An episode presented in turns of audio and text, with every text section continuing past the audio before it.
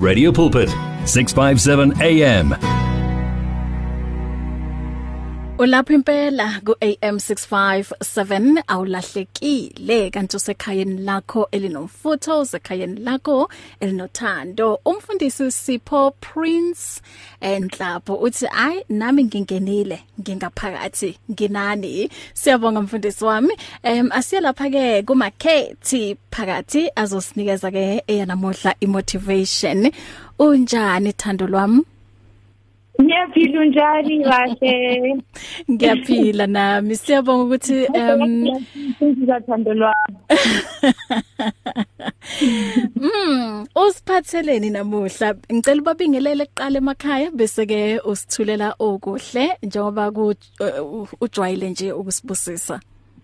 Aha, okay ngiyabonga kakhulu sisibahle ngibikelela abalaleli bonke bo Radio Pulpit usonto namhlanje. Ngibonge kakhulu ukuthi nisijoine nosisibahle ukulalela today's talk. So manje ke sisibahle benginawe the whole of February ngithi. So manje ngibona ukuthi kuhle ngivale ne ngesimo okuyisesimba abantu abaningi ukuthi banga bangazitholi bafinyelela ku confidence yabo. Uyabona yenza ukuthi babambele emuva bazivimbe ukuthi bangenzi kakhulu uyabona? So into eyenza ukuthi abantu basabe i-confidence yabo eh bahle and radio pulpit listeners ukuthi abantu they believe false statements mm -hmm. and nama misconceptions about i-confidence bazitshela ukuthi ayiqiniso. Ngizowalista woyithu bese ngiyawachaza ke ne? Yeah. so eyokuqala abantu bakholwa ukuthi i-confidence ne-arrogance into eyodwa. Okwesibili abantu bacathi i-self esteem ne-confidence into eyodwa. So mina namhlanje ngizocacisa ukuthi kungani ngithi lokhu kokubila kulona iqiniso nokuthi abantu bangasizakala kanjani babe nobudlelwane ne-confidence yabo ne? So siqale ngaleyo qala ukuthi abantu bazitshela ukuthi i-arrogance ne-confidence into eyodwa kodwa iqiniso ukuthi akuyona into eyodwa. Ngempela zihluke kangako ngokuthi nje emhlabeni emibili ehlukile. Uyabona? Le story lesokuthi kunomuga osin between iarrogance neconfidence akulona iqiniso lelo. Ngoba uma umuntu earrogant kahle hle kuyisiqiniseko sokuthi akanayo iconfidence kwanhlobo nje tu into engekho empilweni yakhe leyo. Ingakho ke mele abe arrogant. Ngoba umehluko yini ke bahle phakathi kwa arrogance neconfidence? Ilokhu ngenza umzekelo ne? Mangabe wena eh sisibahle ku ku ku radio station ne uyazi ukuthi unamapha amaphuzu mhlamba kwenza ukuthi ube uno radio hamba phambili nani nani. Awuhambi awusabu kusho njengoba ngangimenshile last week ukuthi V6 sizokhuluma kakhulu ngawo awusabu kusho ukuthi eh South Africa mina when it comes to being on air I'm very good leading the program I'm very good getting uh, uh, listeners engaged and the like. Because that is just self promotion uyasazisa ukuthi wena wenzani unaliphi khono akuyona inkinga le yazokala Mhm mhm kodwa ngale ke kwa arrogance lapho kwa arrogance wena uba nenkinga mawubona ukuthi uphelele ekukhulumeni ngokuthi how good you are in radio. Ukunenkinga mawubona ukuthi mawukhuluma ngokuthi how good you are at speaking uphelele lapho ufuna ukudlulela. So manje wenza njani? Usudlulela ngokedamanga ukhuluma izinto okungezona iqiniso.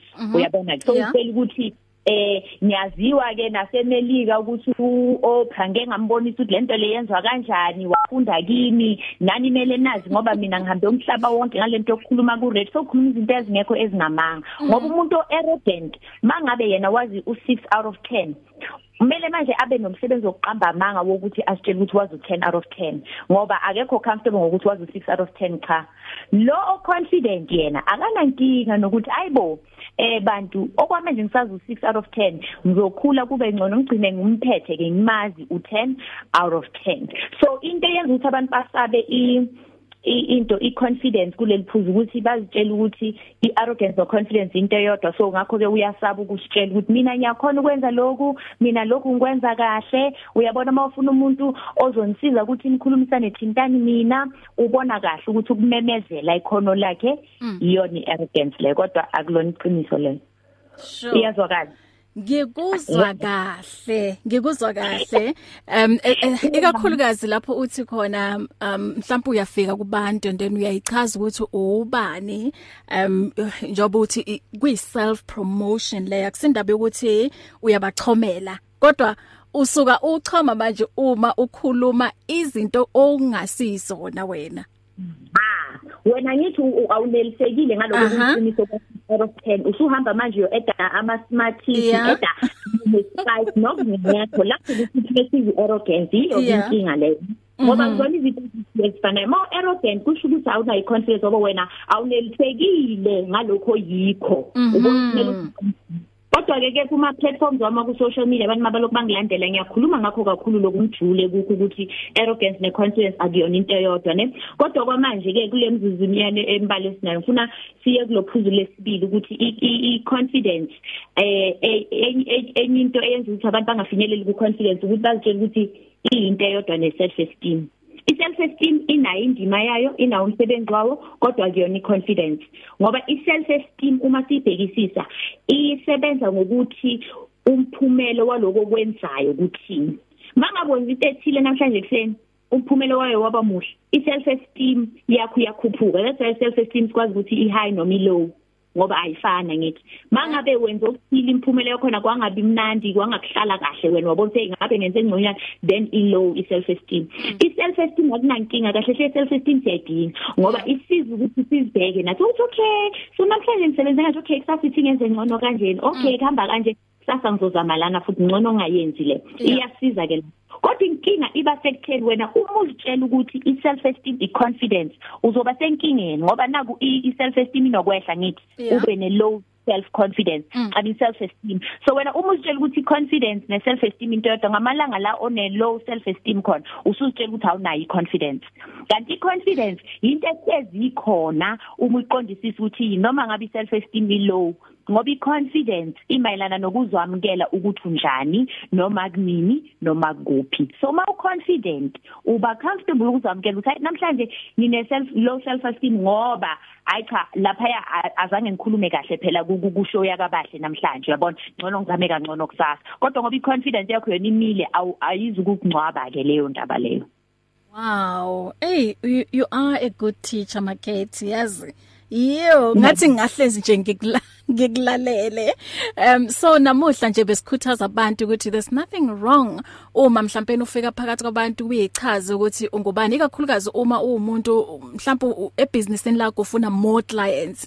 So uh, uh, ungasabi ukusho ukuthi ngubahle and yabona lamakheke la nihlezi nothenga kuphi kuphi phela abhekwa yimina. Um if nifuna uh, nifuna more or nginenzele amanye futhi ishoni phela and then ngizonenzela. So there's nothing wrong ngoba uthengisa ibusiness lakho and then ufuna more customers. Awusho ukuthi wena ngithi ngingcono mina ngibheka ngcono than abanye abantu.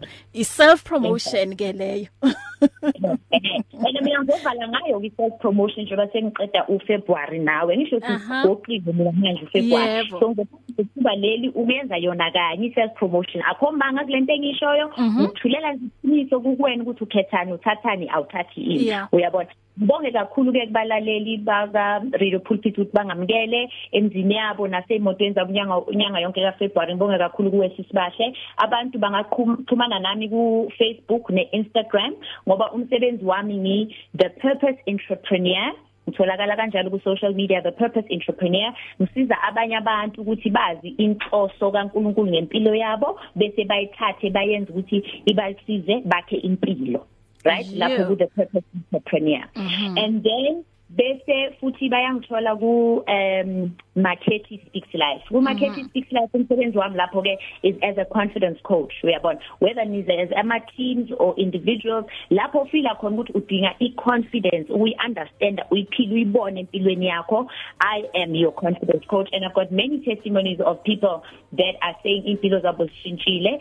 So that's where i am. And feel free to whatsapp me futhi ku 071 448 2332 Mm. Nansi i-confidence coach bazalwane eh the purpose entrepreneur uMakethi eh kethiwe phakathi em i contact eh naye wishile uzoxhumana naye lapho. Siyabonga kakhulu sithando sami. Siyabonga nokuthi ube ingcenye em yalomdeni nangeimfundiso ezinokuhlakani uqhubeke nje usabalalisa umsebenzi wakho ngoba sidinga abantu abanayo i confidence ngibonge mina kakhulu bahle. Bye bye bless you. It's difficult to face the overwhelming pressures of life alone. Sometimes we just need someone to talk to, someone to listen to us. And what better way to do that than through a quick and easy WhatsApp text? Whether you're having a hard time coping with school, family issues, being bullied, depression, or anxiety, speak to someone who cares today. Send a WhatsApp message to 064 530 6805 or 074 995 9085. Our I Am Youth Counseling team, Charles Dudoy and Danny Vambili, are ready to connect with you today. You can now buy your favorite programs and series of the past 38 years on eCompanion, Radio Pulpit's own online shop. Revisit programs by beloved presenters like Justice Chungu, Cecile Burger, Esti Geldenhuys, and Pastor Aaron Jelle. Books and CDs from various authors and artists, as well as Radio Pulpit t-shirts, caps, and other branded products will also be available on eCompanion, your one-stop soul food shop. Visit radiopulpit.co.za and click on shop. T's and C's apply.